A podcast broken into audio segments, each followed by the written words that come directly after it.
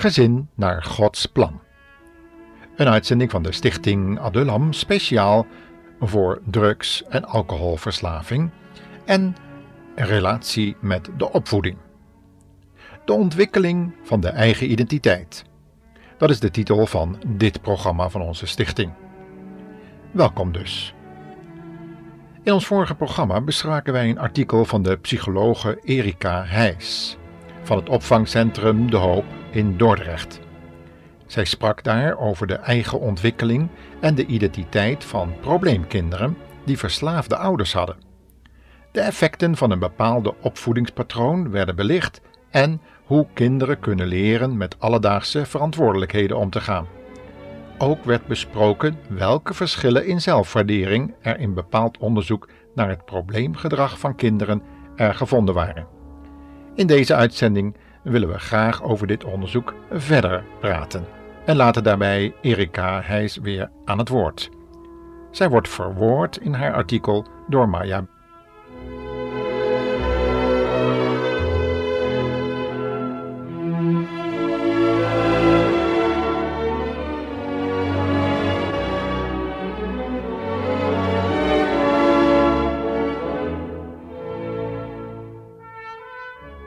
Het onderzoek toonde aan dat de jongens die een hoge zelfwaardering hadden, ouders hadden die zelf ook zelfverzekerd en emotioneel stabiel waren, zichzelf konden bedruipen, een goede manier van opvoeding hanteren en een harmonieus huwelijk hadden. In hun relaties met hun zonen waren de moeders van de kinderen met een hoge zelfwaarde,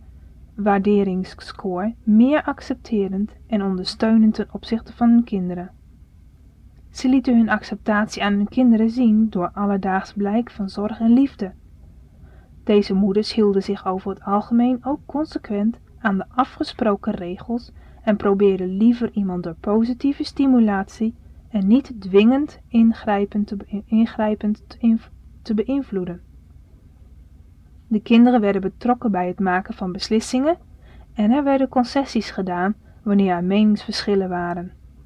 Er was ook vrijheid om te discussiëren, zodat de kinderen zichzelf als werkelijk deelnemers in het gezin beschouwden.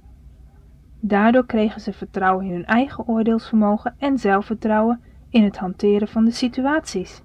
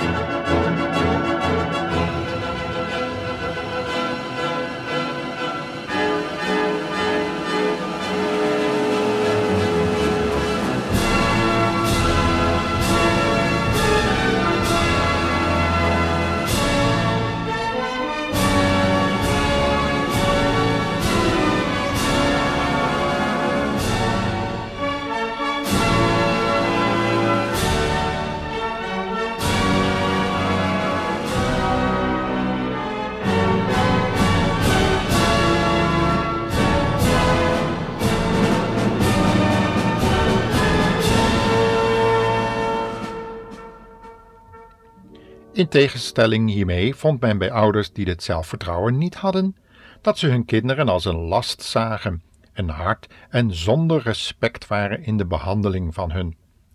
Ze gaven ook weinig leiding aan de kinderen en waren niet consequent in hun opvoeding, waarbij de ene keer onverschillig op het wangedrag van het kind werd gereageerd en ditzelfde gedrag een andere keer streng werd bestraft. Het duidelijkst was het contrast te zien tussen de ouders in de beantwoording van de vraag of een kind recht heeft op zijn eigen mening en of het ook is toegestaan om dit te uiten. Van de ouders met een hoog zelfvertrouwen was 93% het hiermee eens, in tegenstelling tot slechts 9,7% van de ouders met een laag zelfvertrouwen. In de brief van Paulus, Efezen 6, vers 1 tot 4, zien we een normering die de apostel aan alle partijen voorhoudt. Hij zegt daar namelijk het volgende: Kinderen, gehoorzaam je ouders. Dat is goed, omdat de Heere hun gezag over jullie heeft gegeven. Eer je vader en je moeder. Dat is het eerste van de tien geboden, waar ook nog een belofte aan is verbonden. Als je je vader en moeder eert, zal het je goed gaan en zul je een lang leven hebben.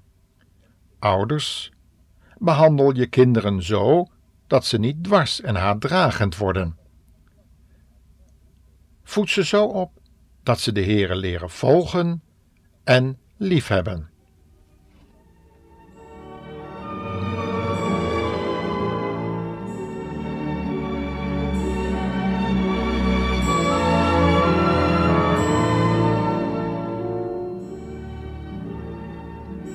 Wat hierbij van het uiterste belang is, dat ouders beseffen dat ze een voorbeeldfunctie hebben ten aanzien van hun kinderen.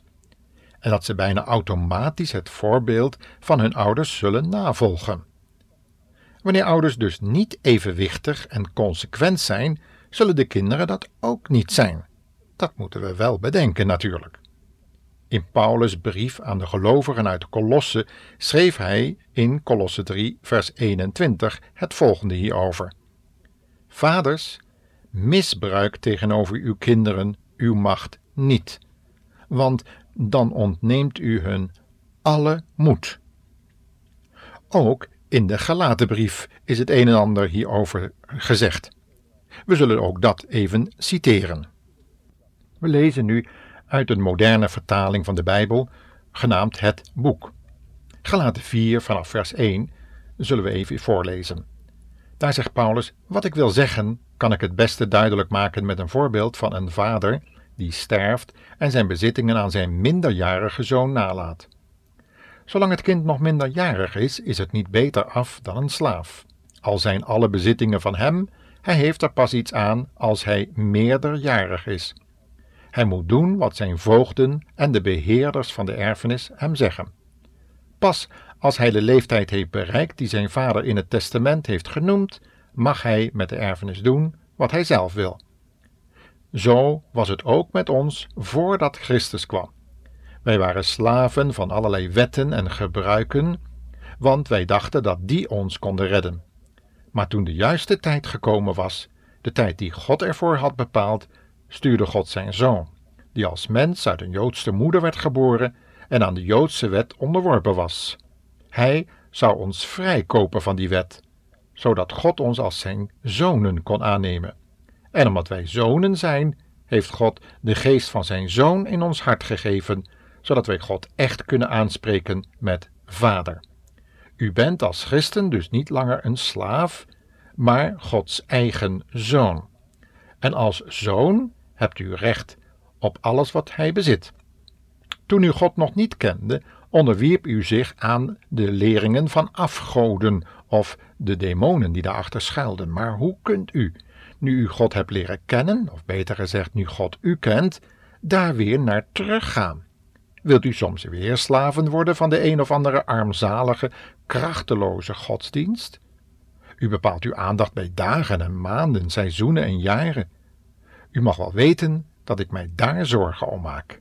Ik ben bang dat alles wat ik voor u heb gedaan nu voor niets is geweest.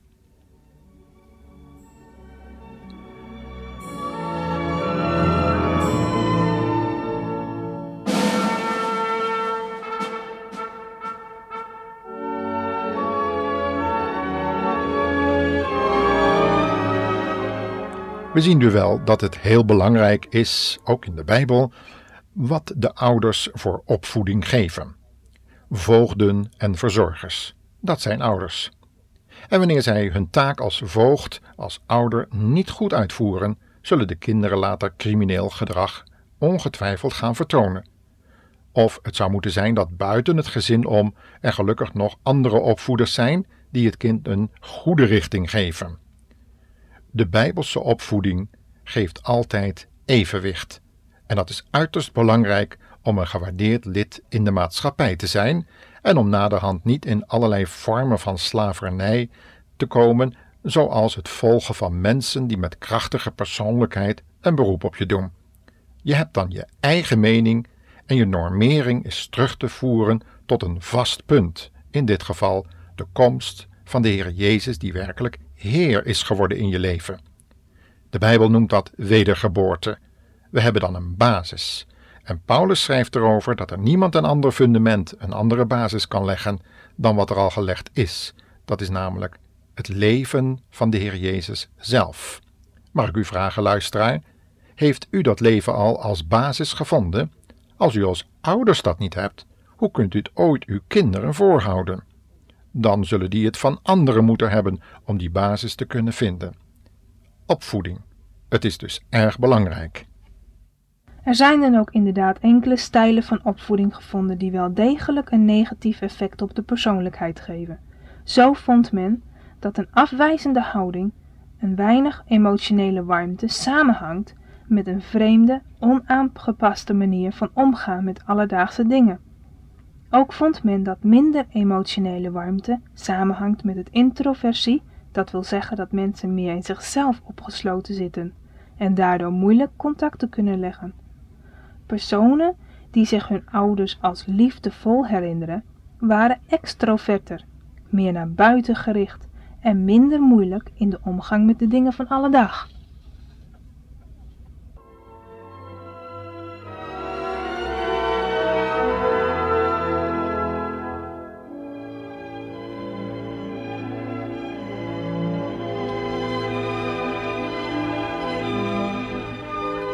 Overbescherming is ook een stijl van opvoeden die samenhangt met een onaangepaste manier van reageren op de gewone dingen van het leven. Overbescherming houdt in dat er te veel grenzen aan iemand worden gegeven. Het kind krijgt daardoor weinig gelegenheid om zelf te experimenteren en zelf ervaringen op te doen in het leven. Beslissingen worden in het algemeen dan door de opvoeders of voogden genomen. Overbescherming kan dan ook opgesplitst worden in een stijl van opvoeden met veel zorg en een hoge beschermingsgraad, en een opvoeding met weinig zorg en een hoge beschermingsgraad. Zorg kan dan worden gezien als de mate waarin iemand bevestiging, warmte, liefde en bevrediging van behoeften krijgt. De eerste stijl van opvoeden blijkt geen verhoogd resultaat te geven. Dat is dus veel zorg en een hoge beschermingsgraad. Dat geeft weinig resultaat. De tweede, waarin er ruimte voor de eigen karakterontwikkeling en de vermoede talenten wordt gegeven, heeft echter een hoger resultaat. Daarom is het nodig om die twee factoren die bijdragen aan een problematische persoonlijkheidsontwikkeling aan een nader onderzoek te onderwerpen.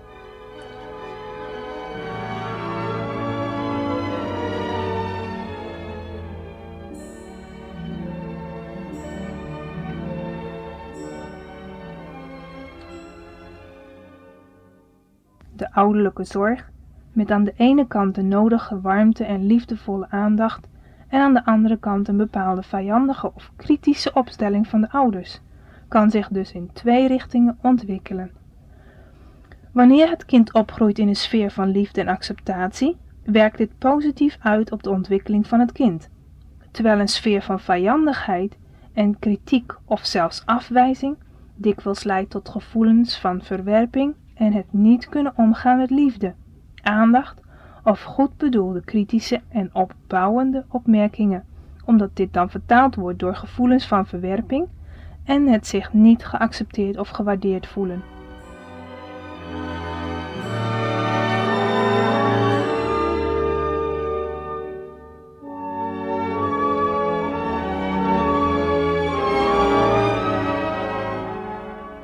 Er is echter nog een kant aan deze zaak. Dat is de ouderlijke controle met aan de ene kant de controle of beperkingen die ouders hun kinderen denken te moeten opleggen, en aan de andere kant de autonomie of vrijheid van het kind. Te veel beperking kan een kind dus afremmen in zijn of haar ontwikkeling, terwijl de goede eigenschappen in de persoonlijkheid niet worden ontwikkeld of herkend. En het kind leert op die manier nooit zelf beslissingen te nemen binnen de normen die ouders hebben aangelegd, of wanneer ouders christenen zijn die met de Bijbel te maken hebben. In dat laatste geval willen we deze uitzending dan ook bijzonder besluiten met een citaat uit Spreuken 19. Straf uw zoon zolang het nog helpt, maar laat het uit uw hoofd om hem te doden. Iemand die onbeheerst is, zal zijn straf zelf moeten dragen. Probeert u hem daarin te helpen, dan wordt het alleen maar erger. Luister daarom naar raad en berisping, zodat u uiteindelijk toch nog verstandig wordt. In een volgend programma zullen we daar verder over nadenken. Tot de volgende keer dus. God zegen u.